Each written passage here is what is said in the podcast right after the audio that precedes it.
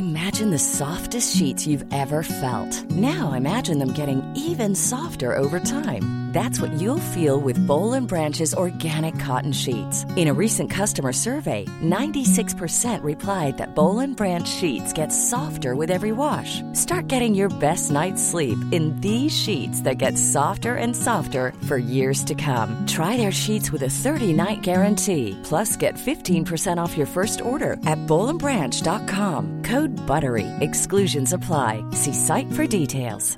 Ready to pop the question? The jewelers at BlueNile.com have got sparkle down to a science with beautiful lab grown diamonds worthy of your most brilliant moments. Their lab grown diamonds are independently graded and guaranteed identical to natural diamonds, and they're ready to ship to your door. Go to BlueNile.com and use promo code LISTEN to get $50 off your purchase of $500 or more. That's code LISTEN at BlueNile.com for $50 off. BlueNile.com code LISTEN. Millions of people have lost weight with personalized plans from Noom, like Evan, who can't stand salads and still lost 50 pounds. Salads, generally, for most people, are the easy button, right? For me, that wasn't an option. I never really was a salad guy. That's just not who I am. But Noom worked for me. Get your personalized plan today at Noom.com. Real Noom user compensated to provide their story. In four weeks, the typical Noom user can expect to lose one to two pounds per week. Individual results may vary. Nu är det fredag. Nu är det fredag!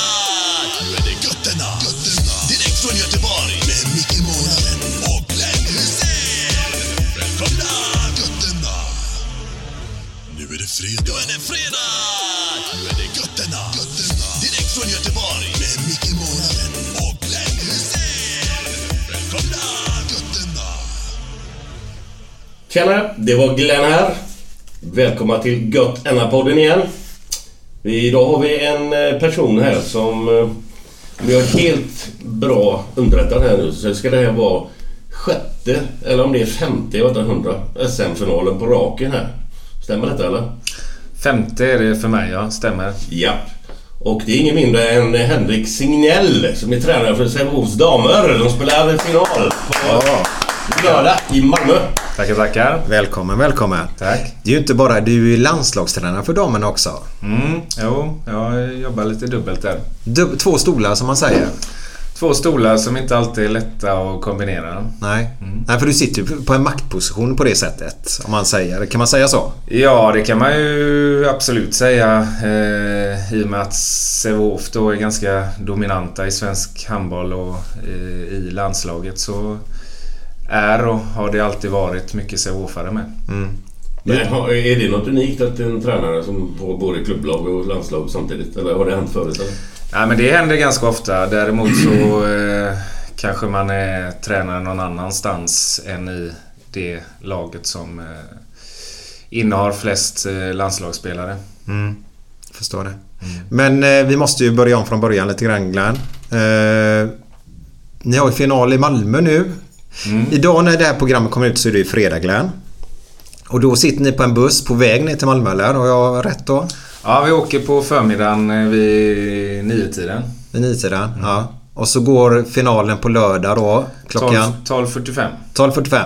Och då är det kvinnorna, damerna. Stämmer. Och sen spelar herrarna efteråt då eller? Mm, vid tre tror jag. Så de... Eh, ja, det är en god dag där. Eh, Malmö Arena då. Jag vet inte om de tar 12 000 eller någonting. Eh, knökat. Eh, allt, allt fokus på handboll och allt i samma, under samma tak. Så det är en, eh, en handbollsfest där damsidan lite då rider på, på herrarnas intresse. Eh, för det är ju lite större. Eh, Även inom handbollen. Ja men det är ju så. Vilken eh, går de, de går efter varandra eller hur funkar det? Ja, det är lite mellanrum där eh, för eh, segerfirande och prisutdelning och så. ja, ja, ja. Men det är häftigt för jag och Glenn, vi pratade om detta igår Glenn. Jag sa det att eh, ju, vi började prata basket då, varför vet jag inte men... Ja, det är ja, men det där med sju matcher, jag är ju Det var personligen... därför vi snackade om det. Ja, jag är ju personligen lite... Jag tycker det, man tappar intresset på vägen på något sätt. Jag tycker att handbollen och även innebandyn har en skön, härlig atmosfär just att Finalerna går en dag, vi kör damer och herrar tillsammans och vi har en fest helt enkelt för den här idrotten denna dagen då. Och en avslutning på säsongen då. Det, jag gillar det. Ja, men det gör ju jag också. Och, eh, man har haft detta konceptet nu i 7-8 år tror jag. Eh, på herrsidan så är man lite inne på att ändra det tillbaka till bäst av fem. Eh, publikintresset har blivit större. Eh, framförallt eh, Alingsås Kristianstad nu då som är i final. Mm. De drar normalt sett 3-4 tusen i vanliga seriematcher. Eh, och det är klart att eh, att det är ekonomiskt gynnsamt för dem att ha fler matcher där, det, där alla intecknare går till dem. istället. Om de nu går dit ja. Precis, men det är, det är fler lag eh, som, som har bra, bra publiksiffror så att eh, det kan nog bli så på, på här sidan. Ja, vad tråkigt säger jag då faktiskt. Ja, jag är benägen att hålla med dig. Jag, så jag kollar ju mycket på NHL-hockey. Mm. Där är ju samma sak. Där är det bäst av sju. Men där kan man ju... Alltså där är ju varje match rolig i och för sig. Alltså, Alltså, Ja, De har ju haft en historia, har Ja. detta länge Ja. också. men sen just en final kan jag nog köpa att man... Om man tar bort det ekonomiska. Att det är mycket roligare om det är en final. Bara, nu gäller det. Här är det liksom. Ja men allt ställs ju på sin spets Ja. och det är ju det någonstans som är det fräcka med det. det är, du måste prestera just där och då. Och, eh, och tittar man eh, Sävehof då, eller vi damlaget så så har ju vi varit dominanta länge och eh, ska vi ha störst chans att vinna så är det klart att bästa av fem hade varit ännu mer gynnsamt för oss för då vinner generellt bästa laget. Men, eh, men den pulsen som blir och det intresset som blir för handbollen i stort är ovärderligt. Hur många... Är, är det åtta eller nio guld ni har på raken? Eh, jag tror att det är åtta på raken nu. Eh, och 12 finaler då. Vi hade någon eh, finalförlust för nio år sedan tror jag och så några guld innan det då. Men vad, är, hur, vad är det som gör att ni kan fortsätta och fortsätta bara mala på liksom? Ni blir av med en tre, fyra tjejer varenda år. Ja. Som sticker utomlands eller sticker hit eller vad de nu tar vägen. Ja, nej så är det ju. Eh, även om vi får, får, börjar ju få tillbaka lite bra spelare också som har varit ute. Men eh, ja, vi tappar en del och... Eh, ja, det har ju skapats från tidigare tränare och organisation och fått bra hjälp från, från klubben här. Eh, där det satsas på damerna hårt också. Eh, men man har hittat ett sätt att träna, en seriositet. Vi, ska, vi vill ha spelartyper och framförallt människotyper som, som älskar att träna och eh, vinnare eh, oavsett vad de gör. Och, eh, professionell, eh, bra, bra eh, stab som, där de får hjälp med precis allt de behöver och vill. Och, sen är, har vi ju en ekonomi som är lite bättre än eh, de allra, allra flesta på, på damsidan här i Sverige. Eh, som såklart gör att vi kan eh, knyta till oss bra spelare men också se till att de får rätt vila och återhämtning. Mm. Vi har ju pratat, återigen då gläds alltid vi då, för vi pratar ganska mycket ändå. Eh, så känns det som att ni kan ju scouta en spelare lite längre tid. Ni har inte den brådskan om man säger. Ni, innan ni tar hit en spelare så känns det en ganska bra koll på den spelaren. Mm. Är jag rätt ute? Jo, men det är klart att, eh, att vi vet att vi är en attraktiv klubb att vara i och känner kanske ingen brådska alltid. Sen eh, jobbar vi mycket med kontinuitet och vill gärna behålla spelare och, och man då är noggrann med de man tar till sig oavsett om det är unga spelare eller eh, från andra klubbar så, eh, så ser vi gärna att de är kvar i klubben länge för vi anser att kontinuitet är viktigt och ofta så utvecklas de bra här också och då finns det ju ingen anledning att byta heller. Nej. Vi ska komma in mer på damlaget i slutet på podden. Ska vi plöja igenom det här faktiskt. Men Glenn, du ska sätta nivån. innan jag Ja. glömde, innan jag glömde alltså, är, är Sävehof typ som, jag vet inte hur mycket du känner till fotbollen eller men BP, Brommapojkarna, är det typ Sävehof handboll eller? Eh, nej, jag önskar jag kunde säga ja där men det är inte riktigt så. Det är en, vi är ju väldigt stora så på det sättet är vi kanske BP. Jag vet att eh, BP är duktiga på ungdomssidan. Eh, men hur stora de är vet jag inte riktigt. Vi, är ju världens största klubb sett till antalet eh, medlemmar och, och handbollsspelare helt enkelt. Vi har väl uppåt 90 lag tror jag. Eh, och handbollsskolorna, eh, när de startar då, när de är 6-7 år där, så, så brukar vi väl ha 140 killar och 140 tjejer och något sånt där. Så att, eh, bor man i Partille så, så spelar man handboll nästan per automatik. Eh, men eh, sen har vi bra ungdomsverksamhet, absolut. Eh, och, och antalet är inte alltid en fördel utan eh, det kan eh, vara svårt att och hinna jobba med, med individuell teknik och nöta saker när man är så stora grupper som vi är. Mm. Men vi är nöjda med den, men det kan bli bättre. Men har, är det många av de här ungdomarna som kommer upp till A-laget till slut? Som går hela vägen liksom? Ja, det är det. Eh, vi har väl en ambition att två till tre varje år egentligen ska komma upp från egna leden. Men det beror ju helt och hållet på hur det ser ut och hur många man behåller i A-lagen då.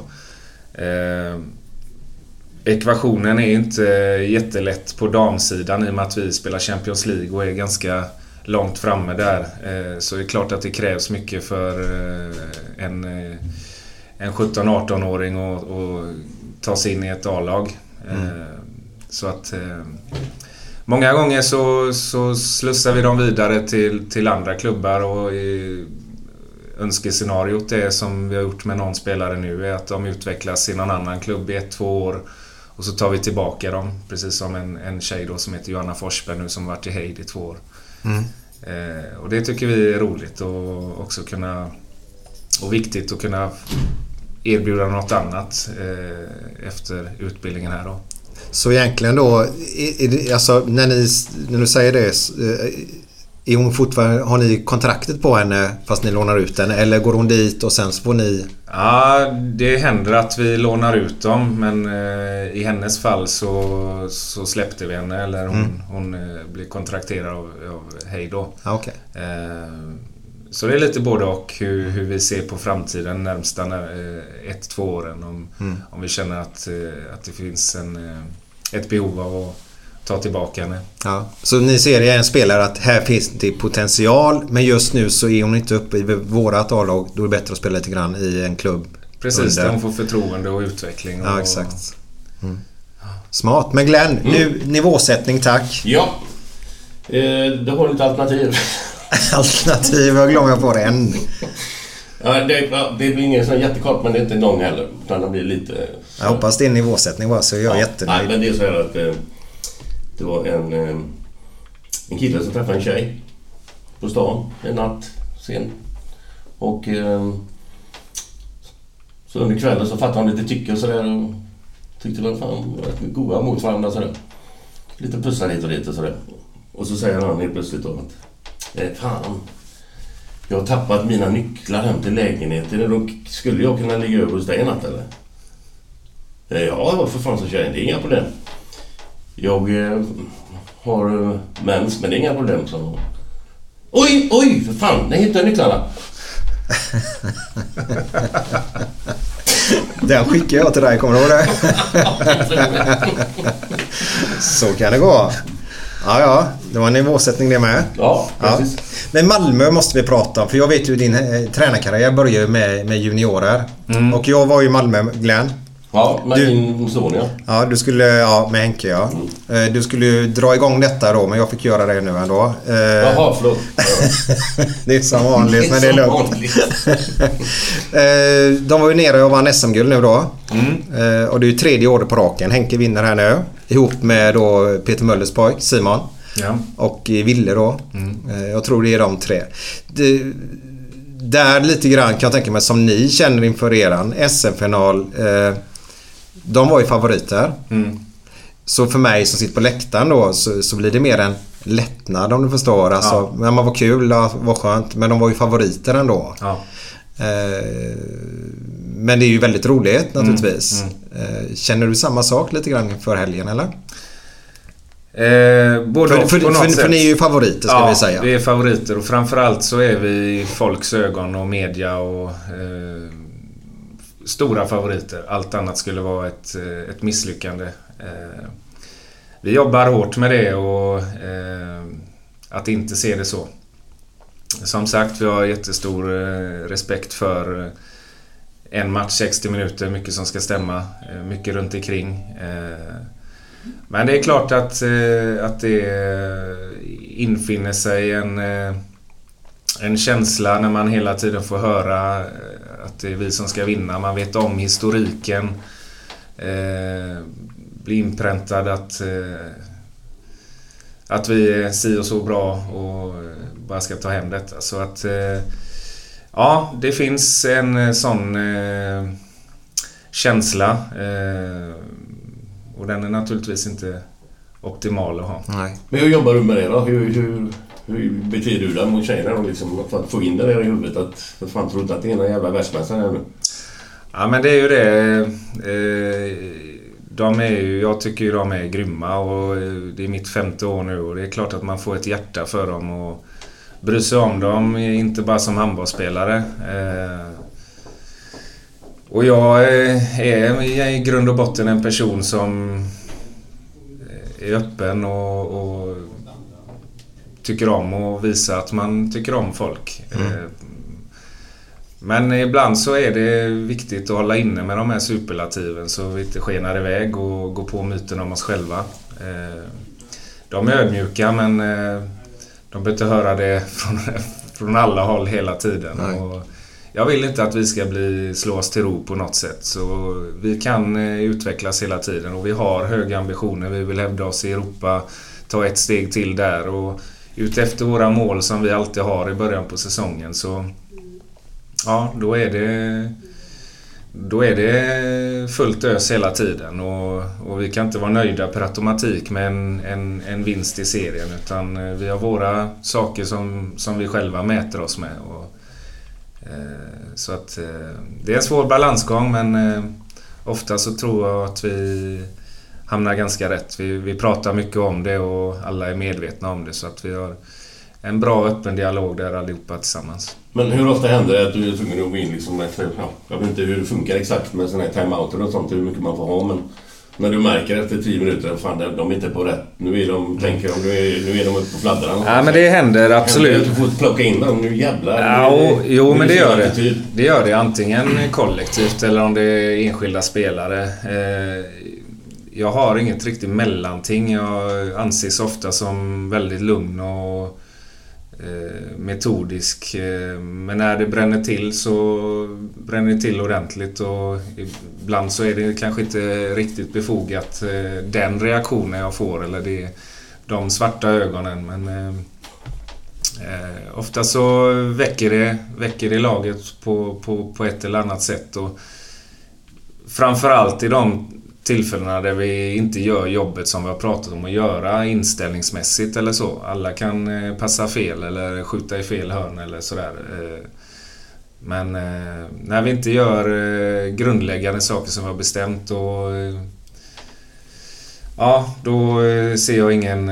Då kokar det. Ja, det gör det och, och det, så ska det vara tycker jag. Ja, jag håller med dig. Men Hur många timeouter får man ta i en halvlek? Eh, två på en halvlek, tre Ja. på en match. Okej. Jaha, okej. Så väljer du att ta en första och så... Men, men du får... Ja, just det. Två max på en halvlek. Mm. Ja, med. Och då taktiskt så tar man ju bara en i första då helst. Om Hel- det inte går åt Ja, helvete helst. då. Ja. Absolut. Men det, jag har hört en grej. Mhm. Eh,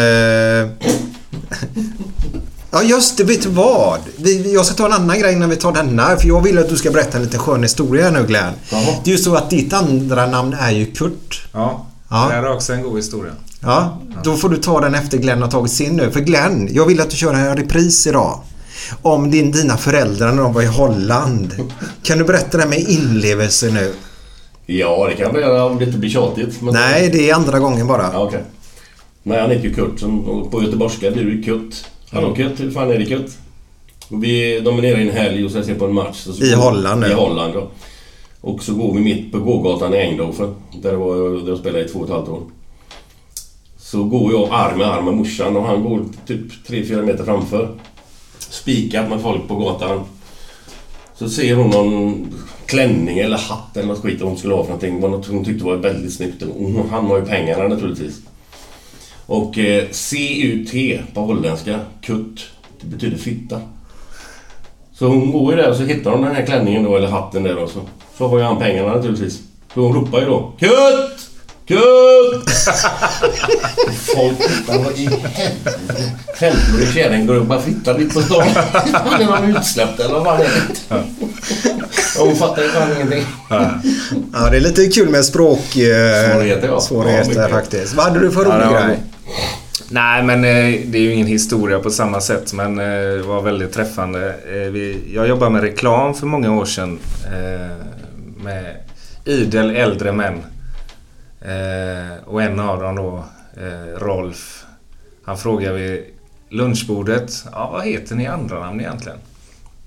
Ja, och då eh, säger Arne att han hette eh, Sverker och Hasse han hette Lennart och så vidare. Och så kommer det till mig då. Eh, ja, vad heter du då? Ja, jag heter nog det fulaste ni kan tänka er. Och då vänder sig Rolf om, tar händerna fram mot mig och, och eh, som att det vore självklart säger Heter du Kurt? Och jag, jag är, det är min farsa som heter Kurt och fick sig en idé att jag också skulle heta så. Det är inte grant men eh, gött jag tycker att det finns många fula namn men eh, för han eh, fanns det, fanns det bara ett uppenbarligen. Ja, det var Kurt. Ja. det, men det är svårt att få in R i Kurt. Man säger Det är ju Kurt. Kurt. Ja. ja, det är roligt. Men jag hade ju en jag har hört där att du då...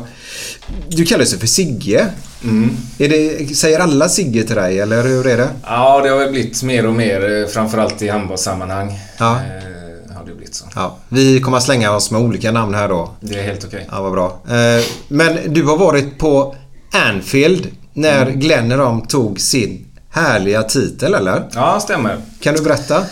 Eh, när jag var där med Kuts då, min farsa. 1990. Eh, eh, och det var då eh, avslutningen på serien. Eh, och eh, Liverpool ledde. Ganska tight historia där men om de vann sista två matcherna där eller de, det var en bortamatch dess för, dess efter men om de vann de här två matcherna så skulle de vara klara seriesegrare då. Så då var vi där en vecka och vann första matchen. Jag minns inte vilket lag det var mot. De hade två hemmamatcher på raken helt ja, enkelt. precis. Ja. Eh, och sen då eh, andra hemmamatchen där då vann vi mot eh, Queens Park då. Queens Park, ja. ja. Fantastisk upplevelse. Du säger Stod vi. Ja, men jag, Är du jag så inbiten här alltså? Ja, jag... Ja, jag är riktigt hårt Liverpool-fan och alltid varit. Och varit där med min son eh, för några år sedan senast. Och, ja, det var en grym upplevelse. Eh, Stå där på The Cop och eh, få se det. Och uppleva alltså när de vann sin titel då med Glenn Hysén som kapten också. Inte just då då på matcherna var inte jag kapten. Alltså inte? Jag var kapten fem... Nej vänta nu. Vad var det? 23 matcher tror jag. Men inte just då. För då var han tillbaka igen tror jag. Ron Whelan. Tror jag. Ja, Eller om det var Allan Hansen som var kapten då kanske. ja jag minns inte heller riktigt. Vad, hur, hur kan du berätta om stämningen på läktaren? Eh, ja, det jag minns var att eh, The Cop var ju då... Det var ju bara ståplatser. Eh, och eh, när, så fort det hände någonting. Eh, alltså folk ser ju inte över, eh, över ryggarna på varandra. Så Nej. när det händer någonting på kortsidan så lutar sig alla framåt. Och då finns det ju lite räcken och, som stoppar upp det hela som tur är då. Men vi hamnar ju framför ett sånt räcke. Och, eh, farsan Kutt då, han hade sin eh, fi- fina kamera eh, runt halsen och den... Eh, jag minns inte om den spräcktes men eh, han blev i alla fall väldigt orolig då när det knuffades lite bakifrån där. Och det var väl lite obehagligt så att säga men eh, jag var inte så stor heller. Eh, men det var ju fantastisk stämning och jag vet att jag har något kort där jag står nere på Anfield innan matchen och på plan då. Eh, nej, grymma minnen och jag fick köpa precis allt jag ville i souvenirväg så jag... Jag vet att jag har en eh, 60-70 halsdukar och Oj! sånt där. Oj, oj, oj. Ja, jag var galen på att samla på, på, eh, på allt som, som det stod Liverpool på. Det, det, det känns som att den Kurt också hade pengarna, Glenn. Ja, det verkar så. Ja. Ja, åtminstone den veckan. Ja. Men du vet hur många som gick in där som mest på The Cop? När de, rekordet de har haft där bakom målet. Nej. När det var ståplats då alltså. Nej. Dra till med någonting. Ja, men vad tog arenan då? 42 eller? Ja, 42. Ja, det behöver inte vara mer än... Eh, 8000. 26 000 stod där bakom ibland. Va? 26 000 26 bakom 000. ena målet bara. Stående. Stående alltså. Ändå kan ju inte 42 000 ha hjälpt. Ja, det är, men jag vet inte hur, hur det var från början. Om det var 42 eller det vet det kan inte jag den historien. Men 26 000 var alltså mest där bakom. Åh fan. Det är någon Europacupmatch. Ja, det var det tryck. Ja, men det är lite läskigt som du säger just det när man står så packade och de sätter ju upp räcken då för att man inte ska trilla längre ner om man säger att de ska ta upp det. Eh, Det är lite läskigt när det blir trångt så faktiskt. Det är det.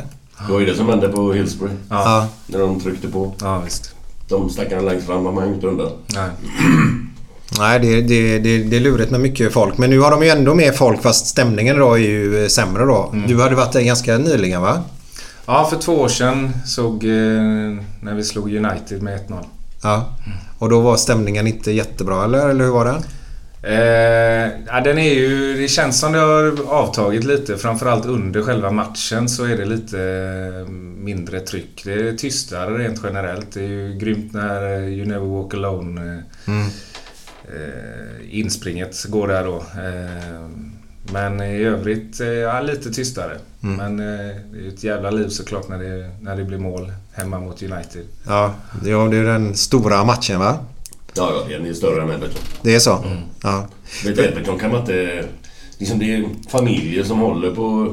Två håller på Everton och tre håller på Liverpool. Liksom, det går inte att vara osams mer än 90 minuter där kanske. Nej, Men sen måste de ju glömma det.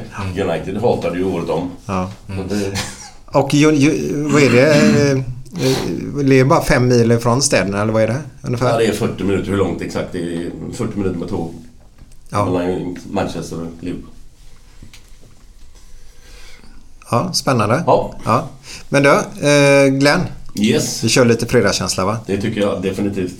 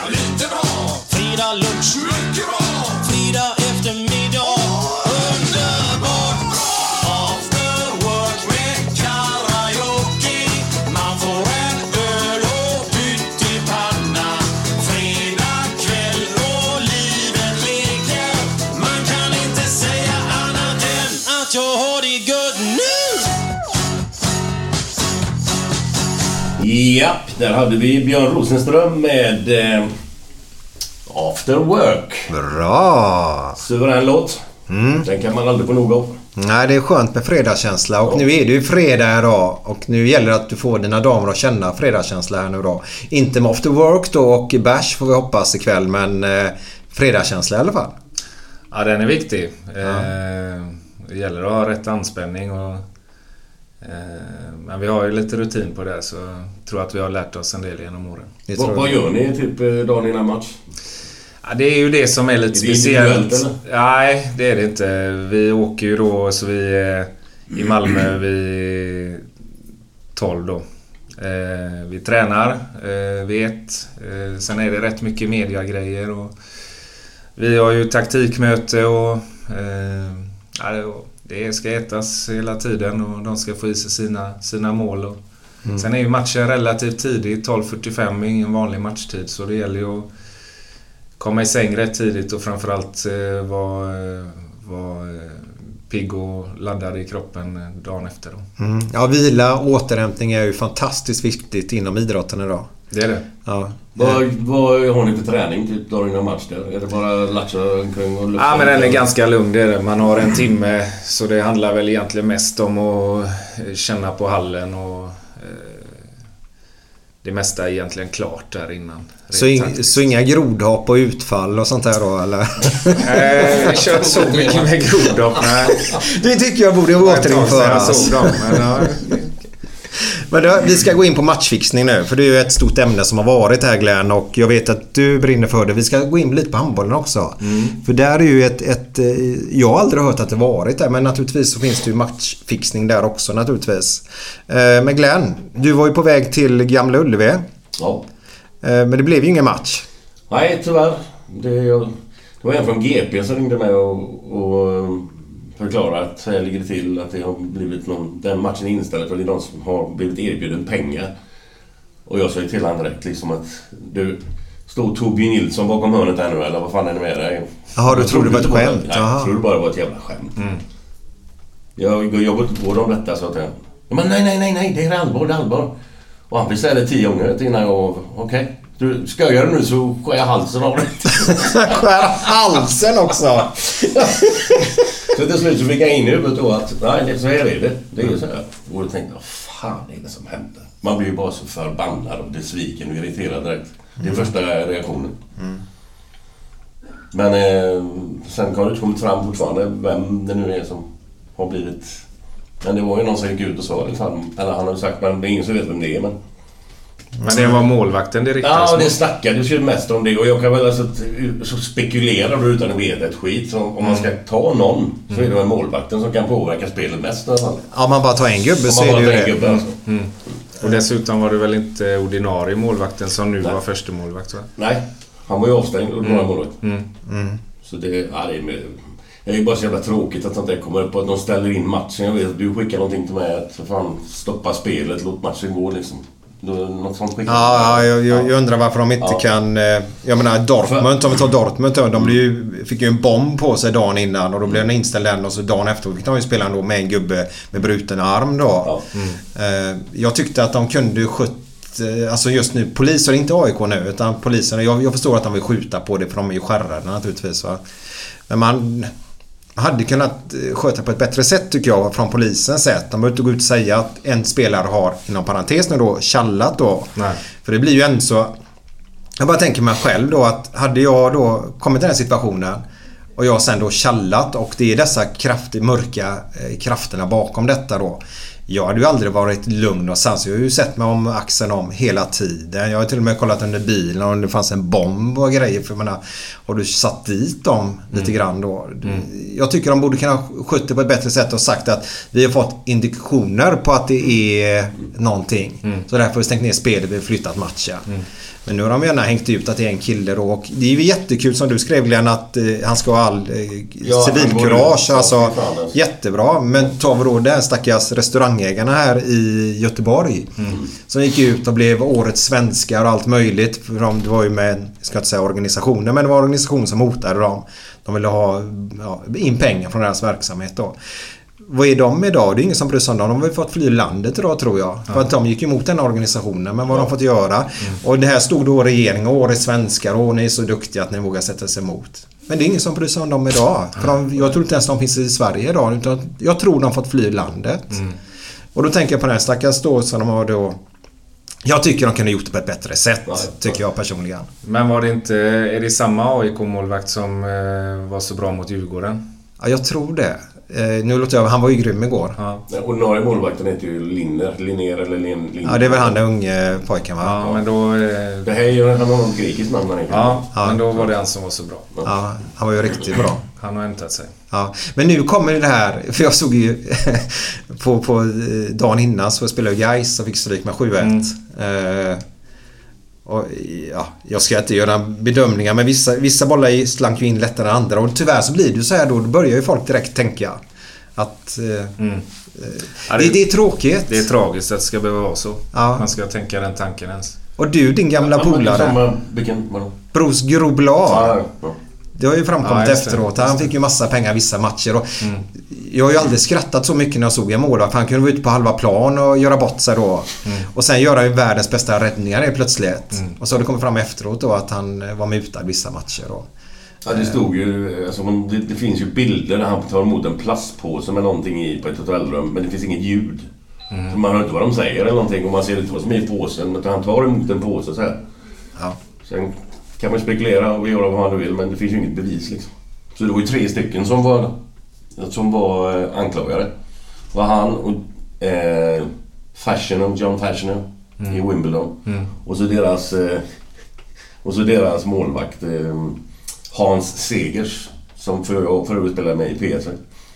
De tre stod under... Ja, de hade beskyllt dem för mutor och grejer men det var ingen som åkte dit på något sätt. Nej, nej. Så det fanns ju inte tillräckligt med bevis.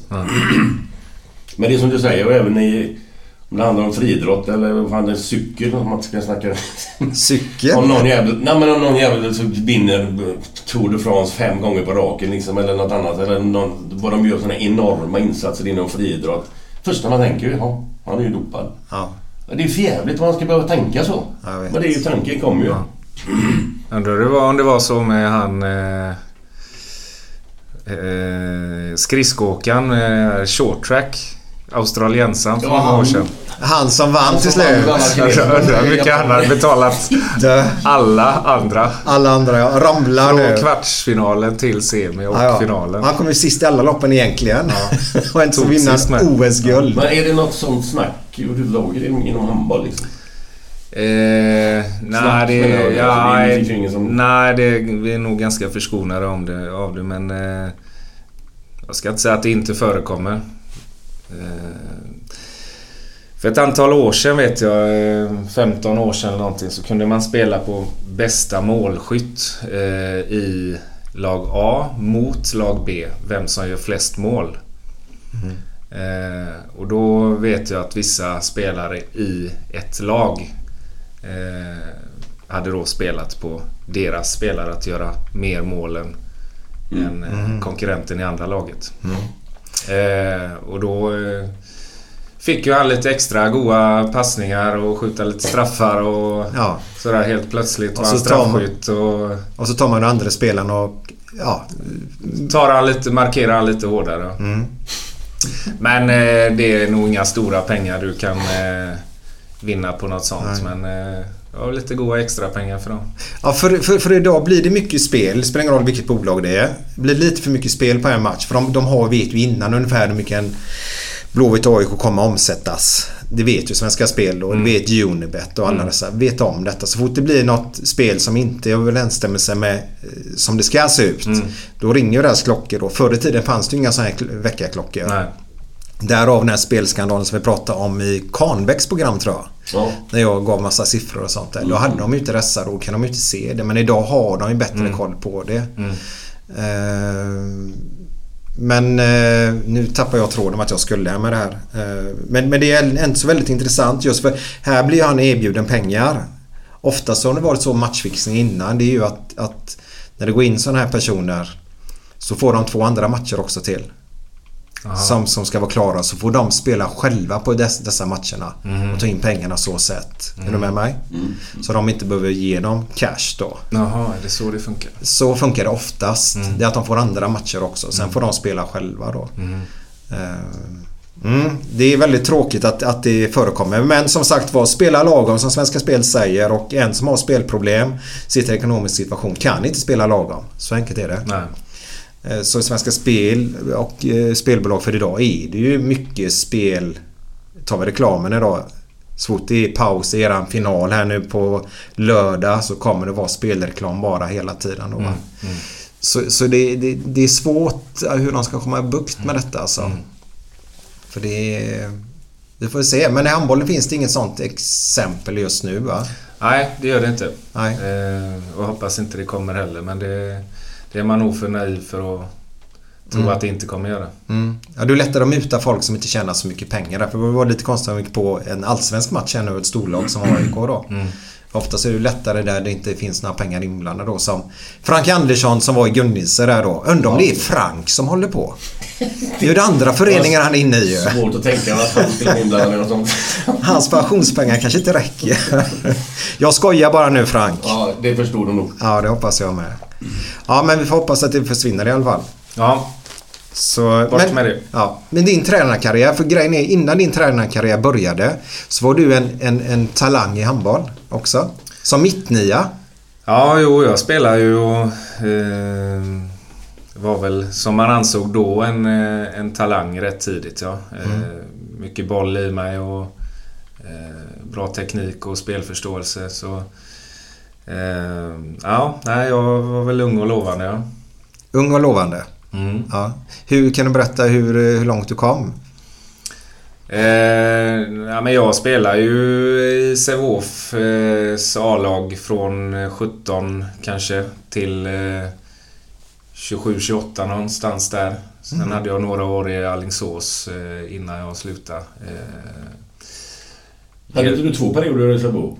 Jo, eh, ja, jag hade faktiskt ett, eh, ett break på ett år när jag var 21 eller något. Jag eh, spelade när jag var 18 i A-laget då men också i junior, ungdomslandslaget och A-landslaget samma år.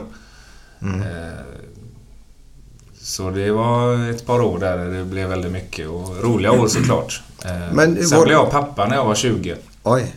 Eh, och allt det där tillsammans. Det gick väldigt fort och pappa då som, eh, som relativt ung och få ihop det också eh, gjorde att jag... Eh, ja, det blev lite för mycket för mig så jag tog ett, ett års eh, break eh, på obestämd tid. Eh, saknade väl lite och blev lite övertalad om att fortsätta sen av en ny, nuvarande, eller dåvarande tränaren Magnus Börjesson tror jag det var. Mm, mm. Så sen körde jag på igen nu. Men du var så tidigt uppe i A-landslaget. För du, jag har läst att du bara gjort en. Ja. Landskamp. Eh, Ja, men du har det- gjort det en låter- i alla fall. Ja, det har jag gjort. Ja. Det låter ju väldigt fint, eh, A-landslaget. eh, Och det är det ju såklart. Men det var eh, en eh, A-landskamp eh, med Bengan då. Beng- Eh, Bengan Boys? Nej, Eller- det var det inte riktigt. För eh, Bengan hade eh, U21-landslaget också. Mhm. Eh, och där ingick jag då med de som var två år äldre. Eh, och eh, inför Atlanta 96 så skulle de eh, göra en, en satsning eh, med lite yngre spelare. Mm. Eh, och där ingick jag då. Eh, En gång. Jaha. Aldrig mer. Vad var det för gubbar som var med då? Som, I den här gruppen där? Eh, nej men inga, inga Bengan Boys-gubbar. Eh, Andreas Larsson var med. Eh, ja, det var eh, många bra spelare då men eh, inga av de större nu. Men du var... Du sa 18 och spelade med de som var två år äldre eller? I landslaget Ja, där. U- nej, U21. ja, U21 var det så ja. Ja. I A-landslaget var ju lite äldre. Mm. Ja, jag bara tänker, är man 18 år och spelar med äldre där så är man ju en jättetalang. Ja, nej men det ska jag inte eh, säga något annat än att jag, att jag var. Men jag, eh, numera ser jag en talang på ett annat sätt än den jag var. Alltså jag var kanske en bolltalang då, eh, som man ser det. Mm. Men en talang nu är så mycket annat för mig. Det handlar om attityd och kunna, vilja, träna hårt och lägga ner den tiden det krävs för att bli eh, riktigt, riktigt bra. Och jag Mm. hade egentligen aldrig de ambitionerna. Jag tyckte det var roligt att spela och allt flöt på och gick bra men eh, jag hade inga ambitioner och tyckte det skulle vara fantastiskt att bli proffs eller... eh, Jag såg inte så långt framåt. Eh, Och det vet man aldrig hur det hade blivit om jag hade gjort det men jag kan inte ångra någonting för det, jag kände inte så. Nej. Så, så du var en bolltalang men du hade inte det där sista om man säger... Nej, jag tränar som alla andra. eh, Men eh, den där sista lilla ambitionen, det är ju skarp konkurrens. Och ska du bli bäst så, så krävs det att du eh, gör det där sista lilla själv och eh, nördar eh, all vaken tid. Och, Mm. det gjorde jag väl inte riktigt. Men när du var mellan 15 och 20 där säger vi. Hade du andra kompisar som också höll på med handbollen samtidigt? Eller var du ensam och bara höll på att köra affärer? Eller? Eh, Du- nej, de hade jag, några stycken ja, nej jag, hade, jag hade kompisar som spelade absolut. Många av lagkompisarna. Eh, sen hade jag ett annat eh, kompisgäng där eh, Robert Laul bland annat eh, Och Robert. Laul? Ja. Eh, Så vi är gamla barndomskamrater och gjort mycket kul ihop. Så, eh, har haft mycket kul på somrarna och Säger han med ett leende på läpparna kan jag säga då. Nej, men det var en eh, härlig tid. Man var där mellan eh, 16 och 20 och... Ja. eh, Vi hade ett stort hus för oss själva där vi tillbringade hela somrarna. Mm. Eh, Som ett Vad, vadå, var det typ vadå för hus? Vadå? Ja, men eh, Robert han bodde med sin farsa som var ute och reste en del. Eh, bodde i, huset låg i Jonsered så det... Ja, vi var där, det blev nästan som ett kollektiv och det var rätt mycket fester och, men även en del kortspel och lyssna på hårdrocksmusik och sådär. Jävligt tuffa år. Ja, jag vet. Det var en skön tid kan jag Ja, tänka mig. ja. Ja. Men han spelade inte han i Jonsered också? Jo, det Ja. gjorde han. Vi spelade mycket fotboll förr och eh, gudabenådad teknik. Han hade ju mycket gratis. Där kan man prata om bolltalang. Eh, Men samma där. Det var mycket annat i hans liv och eh, som var roligt och viktigt och nog ganska lika där även om jag anser mig aningen seriösare än än Robert kanske var då. Men eh, han hade kunnat komma långt om han eh, hade velat. Mm. Han var uppe i- Han var uppe i Ljungskile Ljungskile, också precis. i Superettan. Mm. Eh, så att eh, med fotbollsmått mätt med konkurrenser som är, är betydligt hårdare så, så kommer man ju ändå långt. Jag kommer ihåg att spela en match med honom på Heden inför... Det var en plojmatch med journalister då. Mm. Jag tror att svenska journalister mötte England. Jag tror Sverige mötte England på Ullevi här för ett antal år sedan. Många år sedan. Kommer du ihåg det eller? Jag tror det var. England. Då spelade en sån här plojmatch med journalisterna mot svenska mot engelska. Det gick två minuter tror jag. Så stod det en, en engelsman över Robert Laul skulle strypa honom typ. Så här. Då har han sparkat han 40 gånger på två minuter på benen. Han är jävligt ettrig. Ettrig och stenhård är. Glenn visar just nu hur han stod och ströp, ja, ströp honom. Men eh, Robert, har du kontakt med honom nu? Ja, absolut. Han Ja. bor i USA med... Berätta nu, för vi eh, pratade om han ut- senast. Utrikes, eh, vad heter det? Utrikeskorrespondenten Exakt. Carina Bergfeldt där. Så heter hon. Så han är ju Tack. hemmaman Mm. eh, där nu och... Han har blivit en hunk. Ja, han mår jättebra. Han eh, hade ju lite problem som han gick ut med, eh, med alkoholen. Mm. Så han eh, är ju nykter, nykter nu sen, ja det måste vara över ett år och ser ju fräschare ut än någonsin och Mm. mår bättre än någonsin, säger han själv. Och, så det är en häftig förändring eh, Ja, han gott. har gjort. Ja. Ja, jag har följt hans resa lite grann där och det är väldigt kul att se faktiskt. Ja. Jag kommer inte ihåg något avsnitt tillbaka bara så pratade vi just där och då kommer inte jag ihåg vad hon hette nämligen. Ja. Henne ser man ju på Rapport jämt. Mm, mm. Och gör ett bra jobb där. Ja. Och han är hemmaman. Det måste ju Ja, vara är helt underbart.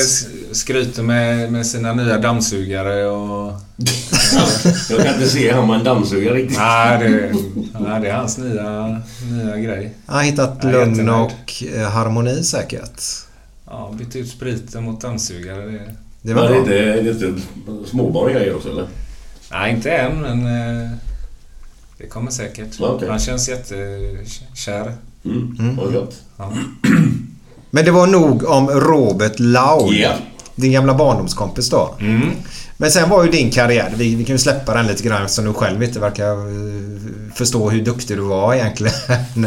Men eh, du kallar ju talanger då att man, man ska ge det lilla extra helt enkelt.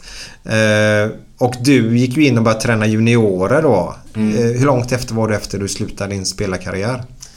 Eh, det var ganska omgående jag hoppade på det. Mm. Alltså visst, jag säger att jag inte...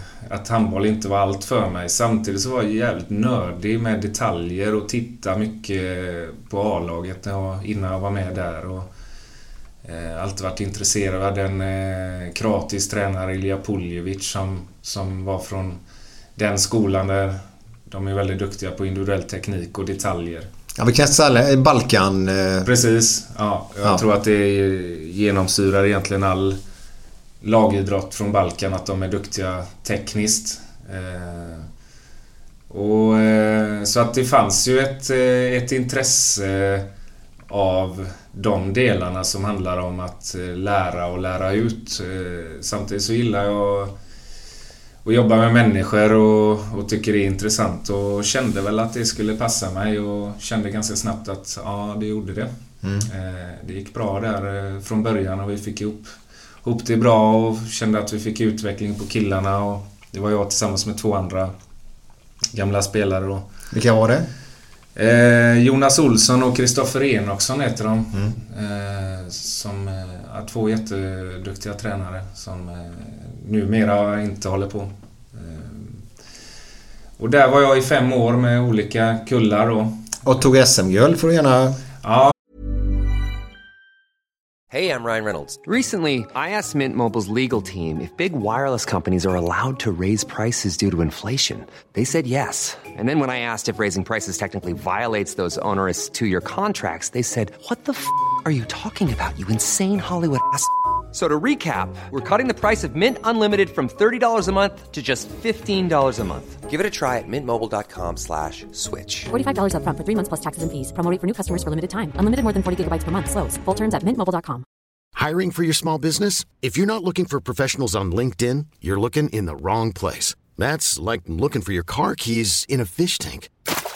LinkedIn helps you hire professionals you can't find anywhere else, even those who aren't actively searching for a new job but might be open to the perfect role. In a given month, over 70% of LinkedIn users don't even visit other leading job sites. So start looking in the right place. With LinkedIn, you can hire professionals like a professional. Post your free job on linkedin.com slash achieve today. Ever catch yourself eating the same flavorless dinner three days in a row? Dreaming of something better? Well, HelloFresh is your guilt-free dream come true, baby. It's me, Gigi Palmer. Let's wake up those taste buds with hot, juicy pecan-crusted chicken or garlic butter shrimp scampi. Mm. Hello Fresh. Stop dreaming of all the delicious possibilities and dig in at HelloFresh.com. Let's get this dinner party started.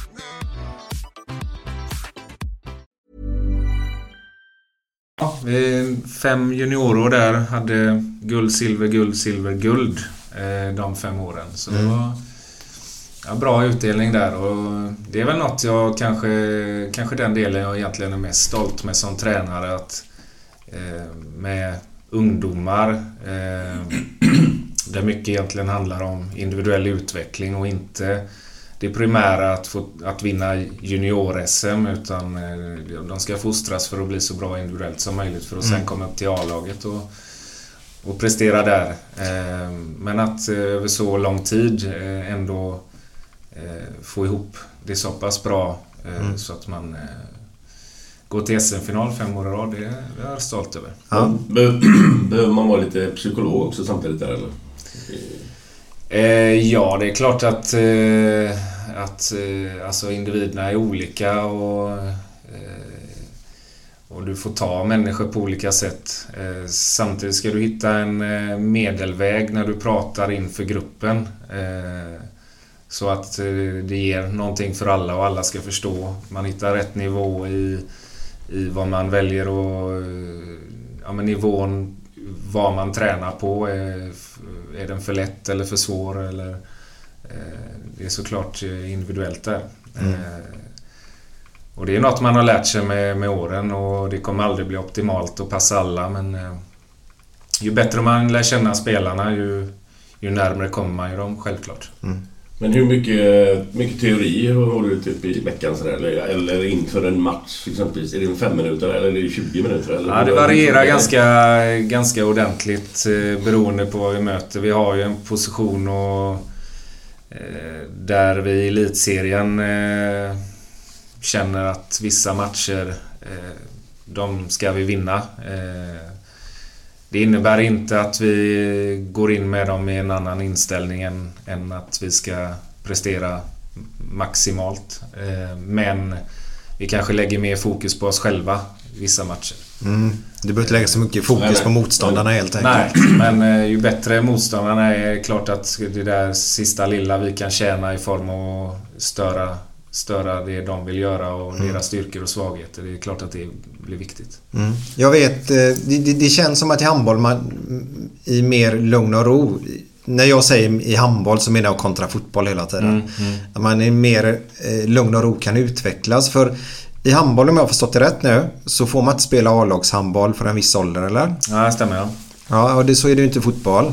Vil- vilken ålder har vi i handboll? Nu är det, året som har varit nu är 00 så det innebär att eh, de som fyller 17 i år får inte spela. Nej. Eh, Det är, det är först när man blir herrjunior då eller? Är det först då eller måste man ha...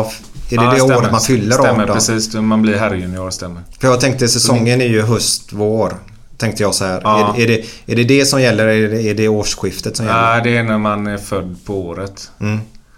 Eh, Så 99 får spela säsongen som är här nu då, som Mm. håller på att sluta. Mm. Ehm, och det är klart att eh, anledningen till det är ju att eh, det tyvärr då Alltså fotbollen är mycket större än handboll även om handboll är relativt stort men det skiljer ändå i, i eh, både antalet eh, utövare men också det skiljer, eh, mindre klubbar kanske generellt då eh, har problem att få ihop eh, tillräckligt med spelare och få ihop lag helt enkelt. Mm. Eh, och, och problemet är nog större på, på damsidan, flicksidan. Eh, just nu och då vill man helt enkelt inte att eh, att för unga spelare ska spela A-lagshandboll för tidigt på grund av att de behöver utvecklas fysiskt och tekniskt och, och hoppar över steg som de sen får svårare att, att ta ikapp när allt handlar om resultat. Mm. Det tycker jag är bra att man Det är, får med vettigt, sig. det är vettigt där handbollen är nu men eh, i den bästa av världar så hade man ju haft tränare som är så kloka så, så att de förstår att, eh, att det är viktigare att se till individen. Men det, jag, jag bara tänker så här att... eh, Har man en anställd tränare då? Om vi säger så här, anställer en tränare så är det lättare att jobba på det sättet. Men är du en föräldratränare Du får grupptrycket på dig genom andra föräldrar eh, Ungdomarna kanske till och med, men oftast från föräldrabiten då att det ska vara resultat här och nu. Eh, det är ju inte enkelt är det inte. Men i all bästa världen så hade det varit det bästa om det kunde vara så som du säger. Men det är ju väldigt resultatinriktat allting idag. Ja, det går ju mer och mer åt det hållet även om eh, man samtidigt har en debatt där man försöker hålla, hålla igen det. eh, Mm. Och inse vikten av att eh, långsiktigt fostra spelare och att det är bättre, bättre på sikt då. Men eh, ja, det är synd att, eh, att den hetsen finns och den finns ju även bland spelare att de vill eh, Vi har den ganska tydligt här i Sävehof. Eh, då i och med att vi har sån eh, eh stor ungdomsverksamhet men också relativt långt gången verksamhet. Både på ungdomssidan, om man pratar junior, A-ungdom men framförallt eh, seniorlagen. Eh, så är ju konkurrensen att ta sig in i ett A-lag svårt. Eh, det finns eh, JU, eh, ungdomslandslagskaptener, eh, förbundskaptener där som pratar om att det är viktigt att ni spelar seniorhandboll tidigt eh, för att de ska vara bra där och då. Och det är såklart också ett problem att eh, att de trycker på lite där för att de Mm. vill eh, att deras spelare ska få hårdhet och utveckling eh, på, på kortare sikt då, för de vill ju prestera de också. Ja, för, så för deras egna e- egocentriska situation så vill de det då? Ja, Ja. kan vara så. Ja. Ja, det är ju inte bra. Nej. Men jag tror det är lätt att falla in där alltså. För alla vill ju göra re- resultat idag. Så Mm. är det ju, spelar ingen roll vilken position du är i egentligen så, så är det ju att eh, göra resultat. Ja. Men hur kom du in på dam, damerna? Ja, nej men jag hade ju som sagt fem år med juniorerna där men de två sista åren, det vill säga år fyra och fem där, så var jag ju också assisterande eh, i herrlaget med Mikael Fransén. Som Eh. också spelar nu då final på lördag. Det gör han i Alingsås då Mm. ja. Han spelar inte själv va? Det vet man Nej, aldrig. Han kan byta in. Det beror, på om han har, det beror på om han har spelat på oddset eller inte. Att han ska göra ett mål i den matchen. Mm, nej men eh, då var ju eh, Magnus Bagan Johansson tränare för damlaget.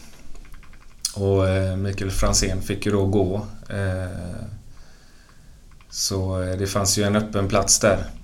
Och då ville man ju ha en förändring med något nytt och då kändes det naturligt att ta in Bagan på herrarna.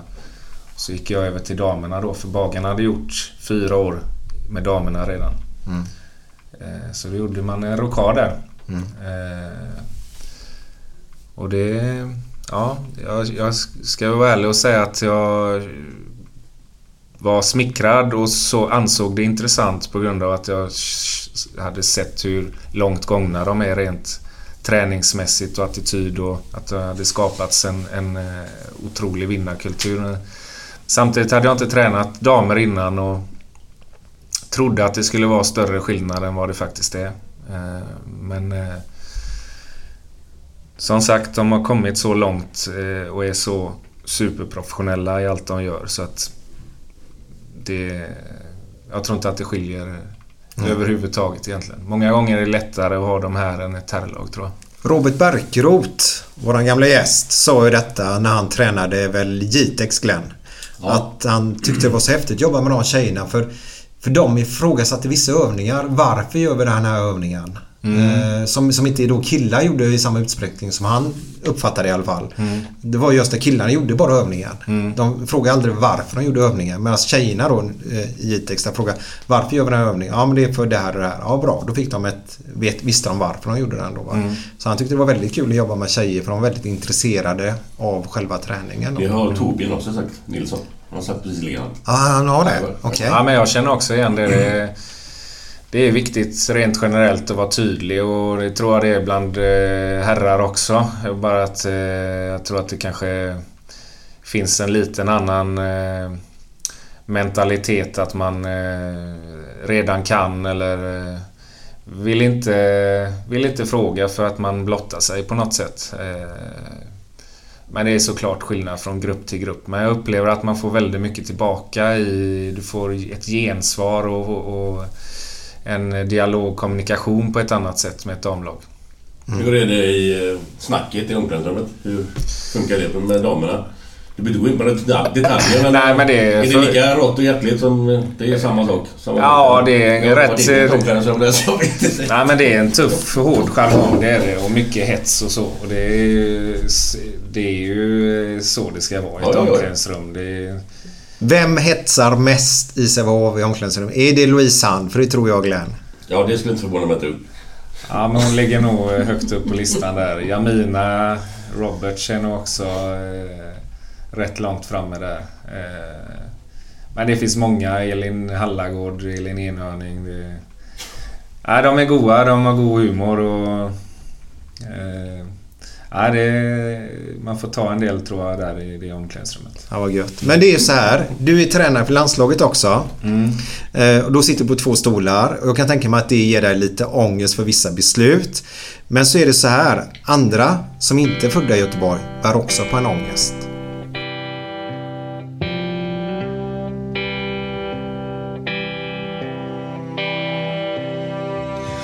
Fem på morgonen i York City går en man i en sliten gammal hatt.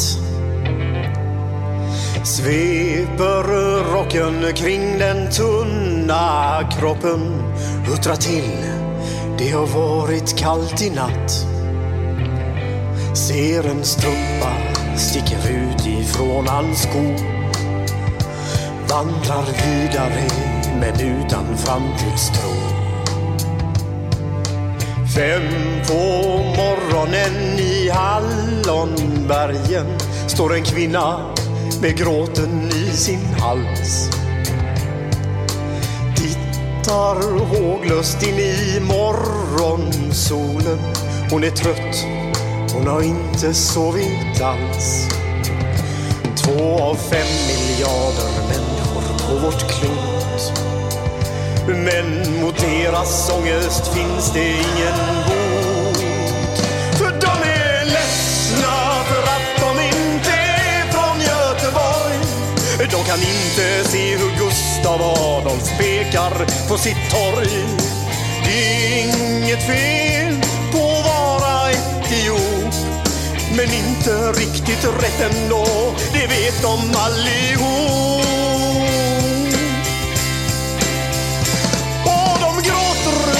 Krampar när de får en inre syn av hur vi som är från Götet tar en öl på Avenyn.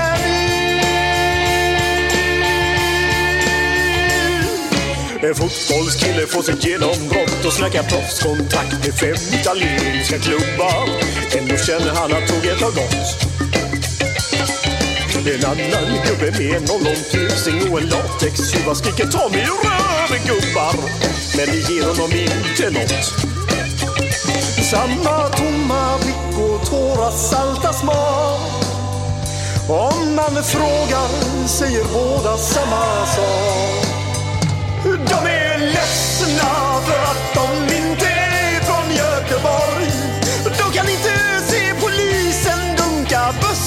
på torg. Det är inget fel på att vara från Mölndalsbro. Men 14 stopp med fyran svider mer än man kan tro. Och de gråter så det krampar när de får en mindre syn. Har vi vi som är från Götet? Har vi vi som är från Götet? Där hade vi den grymma låten igen. De är ledsna med jävlar anamma.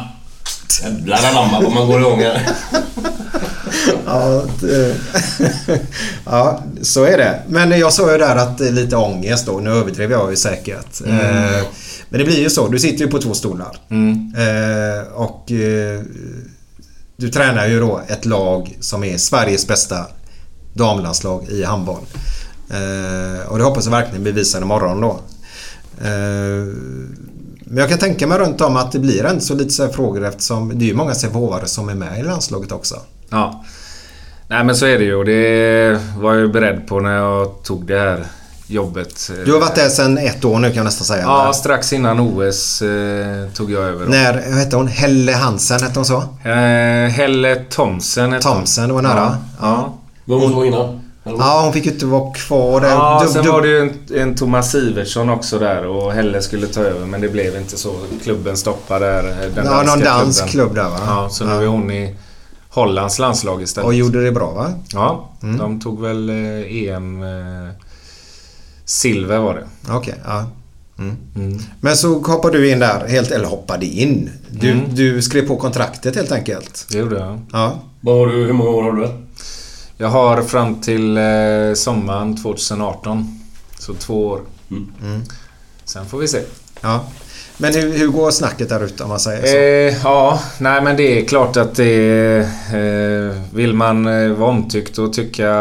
eh, Tro och tycka att alla ska eh, tycka om en och att man eh, gör bra val så, så är det ingen rolig position. Eh, men eh, så funkar det inte att vara tränare och i synnerhet inte att kombinera de här två uppdragen. Ehm, det är klart att det är snack. Eh, men som jag ser det, jag känner själv, jag har inga som helst problem att skilja på mina uppdrag. Eh, jag vore en stor jävla idiot om jag tar ut ett landslag med några extra sevofare för att jag har, har ett lite extra hjärta för dem eller vill vara schysst eller så. Nej, du biter dig själv i svansen då. Ja, det, ja, vi, ja, vi kommer spela mästerskap och vi hade ett hemma-EM här nu i december förra året. Och, Mm. eh, att jag ska stå där och känna att jag inte har tagit ut det laget jag anser vara bäst. Eh, det vore inte så smart. Eh, sen eh, vet man aldrig om truppen jag tar ut eller laget jag spelar med faktiskt är det bästa. Men eh, det vet ingen tränare oavsett var spelarna kommer ifrån. Eh, så att... Eh, nej, det är väl inte helt lätt att, kombinera men eh, jag bryr mig inte så mycket. Det viktiga är att jag själv vet att, att det, jag, det, jag, det laget jag har tagit ut är det jag tror mest på och jobba Mm hårt för att det ska bli så. Men det kan ju inte, det är inte så jävla underligt om, om ett lag som är så överlägset som Sävehof är på klubbnivå. Att det blir mer spelare därifrån. Nej. Det, är ju en självklarhet tycker jag. Sen är det svårt som fan, det förstår jag ju. I Så- din sits. så har det- så har det alltid varit. Normalt sunt förnuft säger att då bör ju vara ganska mycket folk med från den klubben kan jag ju tycka i alla fall. Ja, Nej, men och så har det alltid varit. Det har alltid varit eh, många Sävehofare och, och mest Sävehofare. Eh, ingen annan klubb har, har fler. Men det finns alltid gränsfall. Eh, om den är bättre än den. Och, och vi har sex eh, landslagsspelare och en konkurrent som, som vinner mot oss i Sverige. eh, har noll eller... Eh, Det är klart att folk eh, som inte håller på Sävehof eller eh, ser det kritiskt, tänker tanken. Så att det är väl mänskligt också. Och Det, jag har förståelse för det även om det ibland kan vara lite eh, frustrerande att man inte kan eh, ge svar på tal eller motivera sitt beslut. För det är också Också lite... Ja, det är svårt. Man vill inte sätta spelare mot varandra och man vill inte eh, kanske avslöja allt heller ibland. Och, eh, så att det gäller ju att hitta en balans där och försöka motivera så gott det kan så att folk förstår. Men, eh, men samtidigt, mitt, mitt jobb är heller inte att få eh, eh, Nicke Svensson framför TVn och, och, och veta precis vad jag, varför jag tar ut det laget jag tar ut. Utan jag ska se till så vi presterar så bra som möjligt i, Mm. i mästerskap och liknande. Vad är den största skillnaden på klubb, klubbtränare och landslagstränare? Det är ju helt klart att jag inte har dem i vardagen så jag kan inte påverka så mycket. Det är ganska ont om tid när man väl samlas och, och får samlingar på ett år. Eh, sen är det ju en konkurrenssituation som, som man inte har i klubblag. Alltså spelarna du tar ut i ett landslag är ju vana vid stora roller eh, och, och mycket speltid. Eh, så återigen tydlighet där och rak, ärlig, öppen kommunikation är ju väldigt viktigt. Ja, för då blir ju den här som har mycket ansvar i klubblaget blir ju på bänken här kanske då istället. Ja, Och då, precis. då måste du... Sam, samtidigt så är det viktigt eh, både för dem och mig och, eh, och tänka till om att det faktiskt är ett landslag och eh, det, är inget, det är inget lag, det är inte deras landslag, det är inte mitt landslag utan det är ett, ett, eh, ett lag du blir uttagen till om du presterar bra. Mm. Ja, det ska vara nära att vara med. Ja, precis. Så, det, så du känner dig trygg i rollen?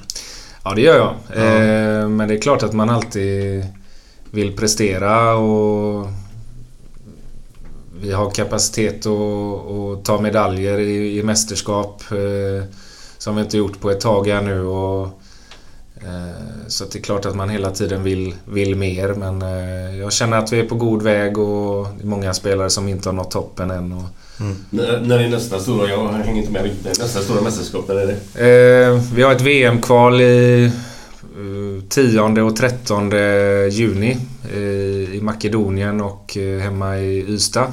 Eh, sen är det förhoppningsvis då ett VM i december i Tyskland om vi kvalificerar oss. Mm. Går det alltid i december? Herran går väl alltid i januari oftast va? Ja, precis. Så det är EM, VM vartannat år där då, Mm. varje december. Mm. Är det bara en dum fråga? Jag har inte stenkoll just på, på, på damerna där men eh, Brasilien säger mig någonting. Men jag tänker på när herrarna, om det är EM eller VM så spelar det egentligen ingen roll för det är lika svårt att vinna ett VM som att vinna ett VM. Mm. Eh, är det likadant i damerna? Ja, absolut. Eh, EM är snäppet svårare. Eh, Även om Brasilien då som är ett av... Ja, det är ju absolut bästa laget utanför Europa. Då. Ja, det är så, ja. Eh, Men de... eh, De är kanske inte topp fem men eh, de vann ju VM för ett antal år sedan. Mm, mm. Så att EM är tufft och eh, vi kom ju sjua där eh, strax utanför semi och många jämna täta matcher och där vi förlorade mm, inte riktigt skarpa när det väl stod och vägde. Eh, förlorade knappt mot både Holland och Frankrike då som är två av världens bästa nationer men eh, det handlar om att vinna och det gjorde inte vi i den utsträckningen vi, vi eh, vet att vi kan. Men det är tajt och tufft i toppen där. Det är 8, 10, 12 lag nästan som, som faktiskt kan vinna ett, eh, eller ta medalj i ett EM. Mm. Jag, måste säga, jag, måste, alltså, jag är faktiskt imponerad, vi har snackat om det tidigare, med handbollsspelare alltså. Att man ser inte mycket gnäll på domarna. Det är aldrig någon som, eller aldrig, det, det kan inte jag säga för så jävla insatt är jag inte men det märks inte i alla fall att folk filmar speciellt mycket som de gör i fotboll. Jävla primadonnor, de slänger sig hit och dit som jävla kärringar. Ursäkta. Men i, i- alltså, i handboll verkar det precis som att det är mer renhårigt på något sätt. Alltså, Mm. det, det är mer... De accepterar att domaren kanske gör något fel någon gång. Så det, man, man märker ingen gnäll i alla fall. Nu, vänta, sen, du får svara här nu. Sen ska jag bara gå in och säga jag har börjat hitta ett ställe där de filmar nu. Jaha, Ja. Ja, det kommer vi till sen. då. Ja, men det är mer än vad jag vet. Du är inte så Eh, nej men Det jag, såg jag tycker det stämmer till stor del. Det, det, är en, eh, det finns en kultur där, eh, där det handlar om att ge och ta. Och, eh, ja, men man accepterar ganska mycket. Sen är det självklart eh, trash talk och, och gnäll där också. Och lite tjuvknep och sådär. Men det är ändå ärligt vill jag påstå. Och, det är väl något man är stolt för och får höra många gånger eh, från eh, folk som, som inte håller på med det men som tittar då. Eh, så att det är väl något vi vill fortsätta bevara men eh, det har nog ruckats lite och går kanske lite åt att man förstärker lite situationer. Mm.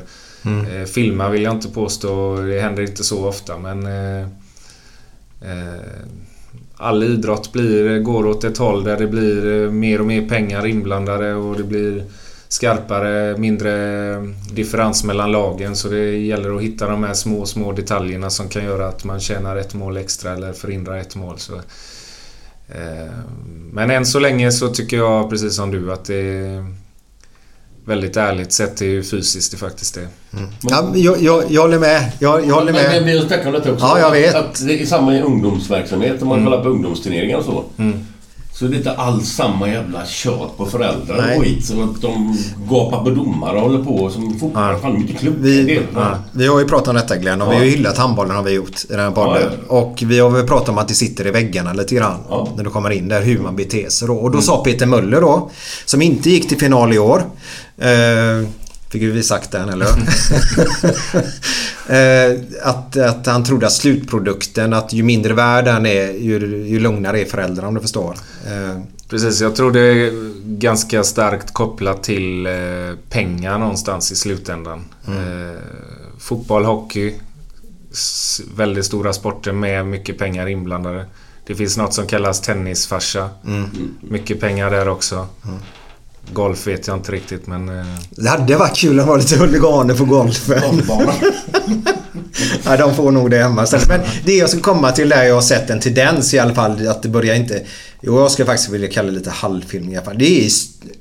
Rätta mig nu med mitt uttal. Stumer. Styrmerfoul ja. Offensiv foul. Ja, offensiv foul. Du vet när en gubbe springer in i dem och då de slänger med huvudet bakåt och förstärker situationen gör de i alla fall. Det har jag märkt lite grann. eh, eh, Att det, det har faktiskt börjat eh, öka lite grann. Eh, Har jag rätt eller har jag jättefel? Ja, du, jag tycker du har rätt. Och det som, det som jag tycker är påtagligt kring det, det är att i... Kommer du utanför Sverige och ner i Europa eh, så är det okej att förstärka på det sättet. Eh, så fort du förstärker det lite här i Sverige så får du ett pekfinger från domaren som säger att försök att stå upp eller överdriv inte. Vilket jag tycker har gått lite för långt för är det styrme så är det styrme i första läget. Många gånger så skippar domaren och blåsa bara för att försvararen efter själva offensiva foul-situationen faller bak då och visar, vill, vill visa domarna då. Eh, så att, eh, det, men det är klart, eh, man kan ju se det positivt då om man inte vill ha en, eh, en negativ utveckling i att förstärka som sen blir till filma. Då kan ju det vara viktigt att stävja men eh, jag kan ju tycka att vi, vi vill vara lite för ärliga här i Sverige och vill man någonstans haka på de bästa lagen i Europa och, och eh, sen när man spelar Champions League och liknande då, då krävs de bitarna annars tappar man eh, ett mål här och ett mål där. Tyvärr. Ja, då är det också problematiskt helt Ja. enkelt. Hur man ska gå vidare. Men Glenn, vi måste göra en applåd. Allihopa då. Och Jag vet vad man applåderar till. vi applåderar din son Tobbe. Jaha. Han har gjort 100 mål i Allsvenskan. Just det, 101 till och 101 med. till och med. Ja. Och det gjorde han ju då igår mot Giffarna. Vilket Ja. lag håller du på i Allsvenskan? I Allsvenskan? Eh, jag är ganska ointresserad faktiskt. Jag var Gaisare en gång i tiden. Eh, men jag har tröttnat på det. Jag blev faktiskt eh, pissad på en gång eh, när jag stod upp och kollade på en Gais-match. ja, det är en annan historia. Det, Nej, men den vill vi höra nu. Ja, lite mer ingående tack. Ja. Eh, ja. Ja, Jag var på min eh, Först, eller jag var själv för första gången på en, eh, en Gais-match. Nya Ullevi. Man stod där bredvid varandra hemma borta klacken på långsidan. Det var något lite galler emellan där. Ja, där uppe på, på andra våningen som Ja. hette då. Ja. Eh, och det var på den tiden det var populärt med så här helvida jeans. Inte tjafs utan de var vida från ja, uppifrån och ner. Mm, Såg ut som mm. två, två rör bara. Eh, Mm. Mycket tyg. Ja. Väldigt mycket tyg. Det gick bra för... eh, Ja, och... Eh, ja, jag stod där 15 år, rätt eh, blyg och förkyld. Född Tyckte jag- 76 då, ska vi Född säga. 76 och så kanske i början på 90-talet Ja. Då. Tyckte det var jättetufft att jag var där själv och... Eh, så stod det en gubbe bakom mig. Han hade en grön Irlands, irländsk landslagströja på sig. Och han, jag kände att han luktade sprit och, och bara det var ju obehagligt eh, Mm. i min ålder då. Eh, ja, och han knödde lite och stod och skränade och gapade och så här. Och rätt som det var så rätt tidigt i matchen, det var innan halvlek i alla fall. Så kände jag bara, det blev lite varmt på baksidan benet på mig. Och samtidigt så hör jag eh, då blir lite tumult. Och vad fan håller du på med jävla idiot? Och så här. Och de drar iväg med honom då. Drar han in, vänder jag mig om, drar, drar han in snorren. Och så fattar jag ju då, så jag kollar ju bak. Och då är ju hela mina... Han har pissat ner hela, hela ja, benen då. Ehm, och jag stod där och funderade, vad fan ska jag göra nu? Jag ska ta bussen hem mitt i matchen. Jag vill se klart. Jag har varit, det är ju min första match. Jag måste ju se hela liksom. Så jag satt faktiskt, eller stod kvar och kollade hela matchen. Nerpissad. Nerpissad, tog bussen hem sen och... Kan du inte då? Ja, det kommer jag tog. Jag var nog någon annanstans ändå. Jag var där i alla fall men... eh, Ja, det är fan sjukt egentligen. Men du stod uppe i klacken och helt enkelt där, där uppe. Ja, Ja. så han var ju en av... Han var ju min kompis. Tror jag borde han varit. Men... eh, Nej. Nej, det, det måste jag säga, det är gränsen Ja men jag kan säga jag har upplevt, ex- nej inte exakt likadant, men jag upplevt, jag stod också där på den här härliga tiden då som du sa, det var lite galler emellan bara. Mm. Typ. Sen gjorde de mer som ett V-format då för att Mm. få lite avstånd då. Men man gick ju upp där trapporna tillsammans gjorde man ju upp där. Exakt. Eh, men så står jag där också. Det var match, det var mycket folk och du vet och då orkar ju inte någon där som har druckit bärs gå ner. För det var också i din ålder. Mm. Eh, då orkar de ju inte eh, gå ner på toa och kissa då, för då missar de ju sin plats där uppe också. Eh, och det tar ju en stund att gå ner genom klacken dit eftersom det var ju ståplatsen där då. Ja. Så då på den tiden, nu är det väl bara 70 centiliter men på den tiden fanns det ju 75 som det hette. Han har ju druckit upp sin 75 så han ställer ju sådär, fyller han ju den 75 med, med kiss. Men så, han, han måste ha haft världens största blåsa för den, den är ju full flaskan. Ja, vad ska han göra resten? Då får han ju fortsätta att pissa där. Alltså, folk gjorde ju så där uppe i klacken på den tiden. För de orkar ju inte gå ner. Måste ju luktat röven där uppe. Ja, ibland luktar det mindre gott ja. Men det var ju så, men jag tycker bara synd om dig så var det på brallan då. Första matchen. På brallan, det var ju han...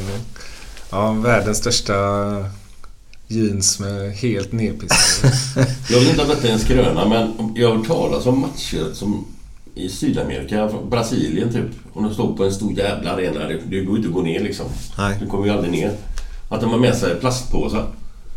Mhm. Och så pissar de på plastpåsen och knyter upp den så skickar de iväg Ja, den. det är ju käckt. Det är- Det borde han ha haft. det är, Jag vet inte om det stämmer här men... Nej, supportrarna där nere är ju glada då kan jag tänka mig. Ja, det är kul att stå lite längre upp då. Nej, det är faktiskt tråkigt. Okej, så ingen fotboll för din del då med supporterskap i alla fall? Nej, alltså jag har varit på Blåvitt några gånger. Jag måste ju säga det är en fantastisk eh, inramning de har där nu. Och, Mm. eh, så att eh, det kommer nog bli fler gånger. Eh, men eh, nej, jag, Allsvenskan eh, har jag inget jättesug för.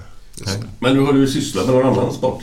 Jag spelade fotboll eh, i Sävedalen faktiskt fram till jag var 16. Och fick faktiskt när jag gjorde valet där, eh, fotboll eller handboll, så fick jag en kallelse till eh, ett pojklandslag i, med ett läger i Säby, Danmark. Jaha. Men då hade jag precis slutat. Mm. Nej, förmodligen hade man inte kommit lika långt i med konkurrensen och det är ju inget jag ångrar på något sätt nu. Men, eh, Ja, men det vet man aldrig. Nej, det kan man Men inte man kan ju inte ångra sig hela livet. Det går ju inte. Det går inte. Men det blir sa du att jobbigt. du slutade med fotboll då? Vilket år? När jag var 16. 16? Mm. Ja men det är ändå rätt bra att hålla på med både handboll och fotboll när man är 16. Ja, det gick att kombinera bra och där eh, tycker jag Sävehof är bra. Jag upplever att eh, föreningar runt, eh, runt om eh, har en ganska stor acceptans för det nu. Kanske Mm. inte de storklubbarna i hockey och fotboll, jag vet inte riktigt men eh, jag tror att man har mycket att tjäna på det. Mm. Ja, fan. Träning som träning. Ja. Bara ta en liten. Jag, jag ska fråga han Jonathan Edvardsson då. Eh, Mm. som spelar A-laget här. Eh, han eh, spelar ju i Björndammens bollklubb. Mm. Eh, men så låg ju det, deras lag ner. Så var inte han med och spelade fotboll. Som, han var inte uttaget till stadslaget varje gång ändå. Mhm. Eh, för de fanns ju på fotbollsförbundets sida då på den tiden. Då var han kallad till stadslaget fast han inte spelade fotboll. Det är ganska imponerande också. Det är det. Också en talang. Men visste de om det då att han inte spelar längre? De vill väl ha dit, det vet ju inte jag. Jag, jag, jag ska fråga honom faktiskt, ta upp det någon annan gång framåt. Jag ska fråga honom. Eh, Men jag tycker det är häftigt med talanger. Det är det. Mm. Men eh, där ser man, inget supporterskap just på det sättet då. Nej, det är väl Nej. Liverpool då. Ja.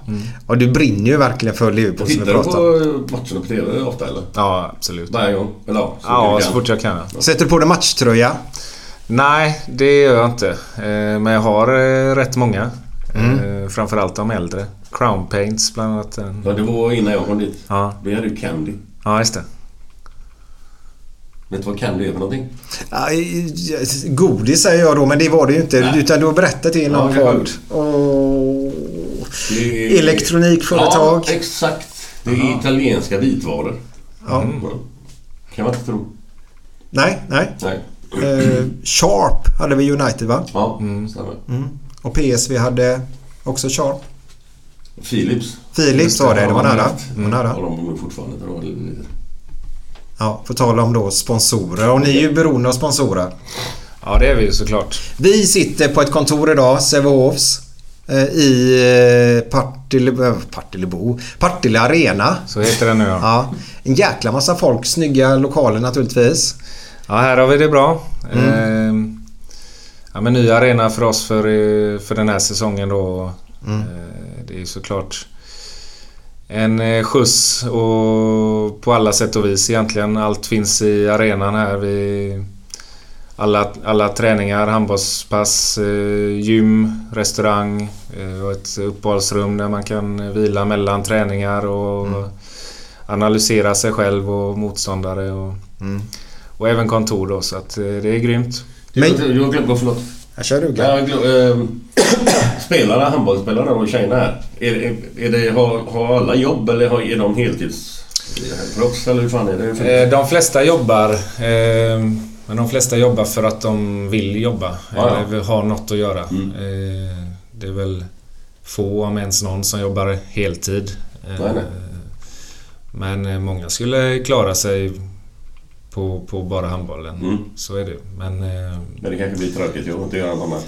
Ja, Jag vet inte. Vi har ett koncept där, där vi anser att det, det är bra att pyssla med något annat. Och, eh, och det tycker, tycker spelarna också eh, funkar bra. Och vi, ofta så nyttjar vi våra sponsorer så att de jobbar hos företag. Ja. Som, så eh, det är en win-win situation. Ja, man jobbar på det sättet. Ja. Det är ganska smart. Mm. Eh, Jag tänkte på, på morgondagen här nu då. Mm. Lördag och det är den 27 då va? Stämmer. 12.45. 12.45 smäller det. Ja. Hur ser den morgonen dagen ut för dig? Mm. Ja, vi, det blir ju konstigt det här med maten. Det har vi ju diskuterat. Eh, 12.45 och så bör man äta en tre timmar innan ungefär. Då är man nere på 9.45. Ja, det är så pass länge innan alltså. Ja. Och det, det går inte bara att äta en frukost där 9.45 och spela sen och vara fullproppad med, med all energi. Så att eh, det blir en lunch där 9.45. Mm. Och så käkar vi frukost 7.30 då. 7.30 ja. Eh, Ja men det är viktigt att kropparna vaknar eh, också då. Så att vi, vi var uppe rätt tidigt och så får vi vara trötta senare på kvällen efter banketten i så fall. Mm.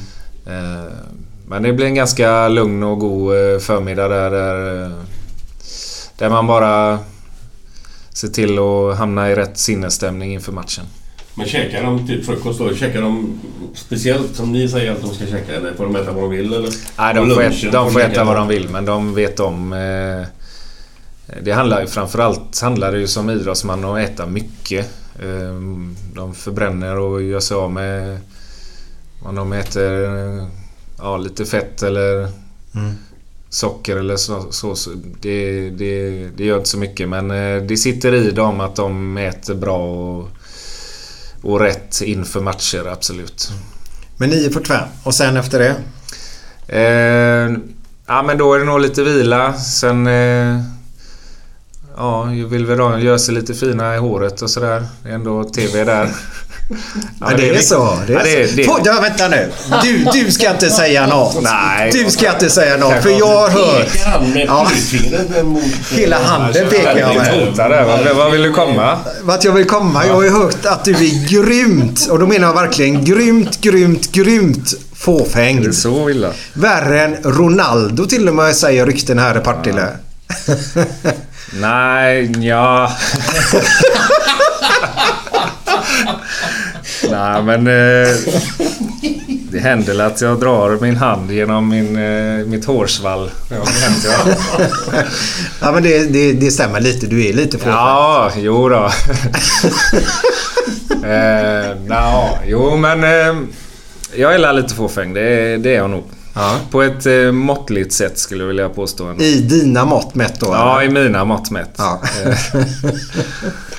Eh, jag vill ha källan där sen. Ja. Du, du har väldigt fint skägg har du. du? Vill du ha källan? Han ville ha källan, men som har sagt det. Jaha, hur många vill jag ska namedroppa? Nej, lägg av nu. Jo, det är sant. Alla jag har pratat med har sagt. Det här får vi klippa bort. Så. Nej, men jag hade fint skägg sa du. Ja, faktiskt. Tack, tack. Ja, det är väldigt, passar väldigt bra i det. tack. Ja. Ja, det är jag nöjd med. Jag har knappt kollat på det men jag bryr mig inte så mycket nämligen. ja, vi kan... alltså ingenting tillbaka. Exakt. Men men du rakar här under nu på lördag då eller? Eh, Sådär, ja men just du vet för att få den linjen och det är tydligare och så eller? Vi får la se om jag hinner med det. Vi, vi släpper det ämnet tror jag nu. Ja, men, det. men tjejerna i alla fall. De, Tjejerna de är fåfänga. De är fåfänga, ja. Ja. Nej, men... Eh, men det är klart att eh, det är ju en del i det hela. Det, det är lätt att säga att skit i det och vi ska spela handboll och sånt där. Den tuffa gamla skolan så. Men eh, eh, det handlar som sagt om att ha rätt sinnesstämning och känna sig god liksom. Och, och känna att saker och ting eh, stämmer och sitter där det ska. Och, och det är klart att eh, tycker man att det är viktigt och, och se, se bra ut så, så är väl det viktigt. Mm. Ja, man måste ju känna sig eh, skön inombords helt Ja. enkelt. Ja. För då presterar man oftast bättre också. Mm. Men i alla fall när de är klara där och gjort sitt och eh, lagt, Ja. lagt håret och... Ja, men då är det väl nästan dags att bege sig till hallen där. Vi vill väl vara där en och en kvart innan. Byta om lite och de eh, har sina små rutiner för sig. Och, Mm. och sen är det ut och värma upp och... Hur är du denna dagen? Just då, när det är en timme kvar där ungefär. Ja, ja, men jag är nog ganska lugn. Jag vill ha klart det jag kan göra och påverka rätt tidigt. Eh, så, så, eh, och sen eh, timmarna innan det så är det ju mest att eh, det är ju rätt jobbig tid egentligen. Timmen, timmarna innan match. Man vill ju bara att det ska börja och att man ska få kvitto på det man hoppas och eh, att det blir som man, som man har tänkt sig. Eh, Så att det, det är lätt att säga att eh, man ska njuta och sådär och det försöker man göra mellan varven och, och inse att det är få som är där och då. Eh, Och att man är lyckligt lottad i det men, eh, men det är rätt... eh, jag tycker det är jobbig tid det, det innan där. Mm. En evig väntan bara som... eh, Ja. Mm. Men sen brukar det kännas bra igen. Mm. Och så har vi Glenn. En minut kvar innan match. Eh, vad är dina peppande ord till tjejerna då? Ja, de är olika. Där, där, kan man, där vill man ju ofta hitta någonting som eh, sticker ut lite eller får, får igång dem lite extra. Det är, jag har sagt det är mitt femte år nu och det är svårt att hitta de orden som, som triggar igång eh, dem mer än de redan är. Eh, men det, här, det ofta handlar om en liten påminnelse bara. Små korta ord om vad som är viktigast. Mm. Är det många som har eh, sin första SM-brons eller? Eller i alla fall, eh, så att... Nej, det är väl ett par stycken kanske. Inte de tongivande, nej, nej. men eh, de flesta har varit med några gånger. Mm. Om du får dina tjejer att få den här blicken så kommer det gå skitbra.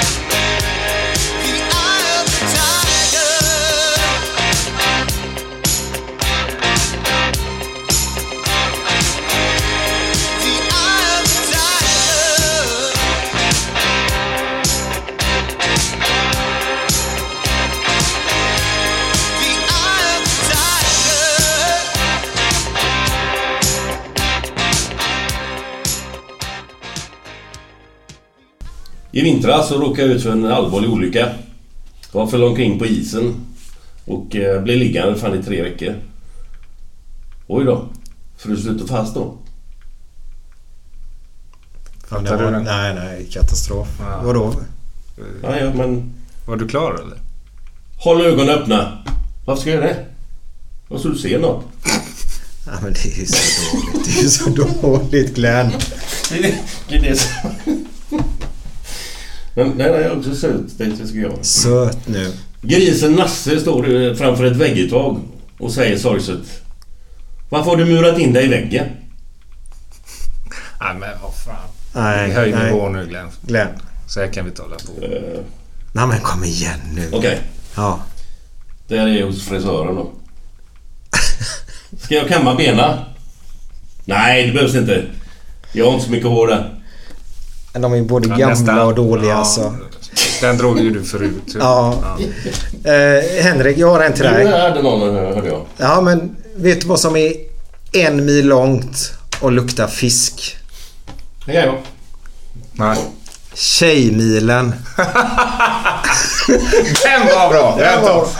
Fan, är mobb- nu är det mobbing här alltså. Hej då, hej då, hej då. Hej, hej. hej. Den var ju bra.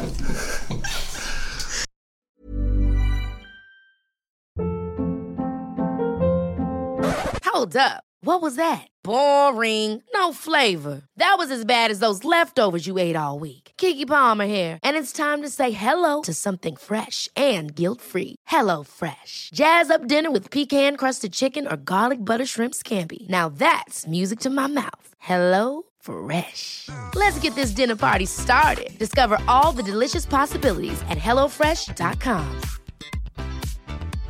Hey, it's Paige DeSorbo from Giggly Squad. High quality fashion without the price tag. Say hello to Quince. I'm snagging high-end essentials like cozy cashmere sweaters, sleek leather jackets, fine jewelry, and so much more. With Quince being 50 to 80% less than similar brands.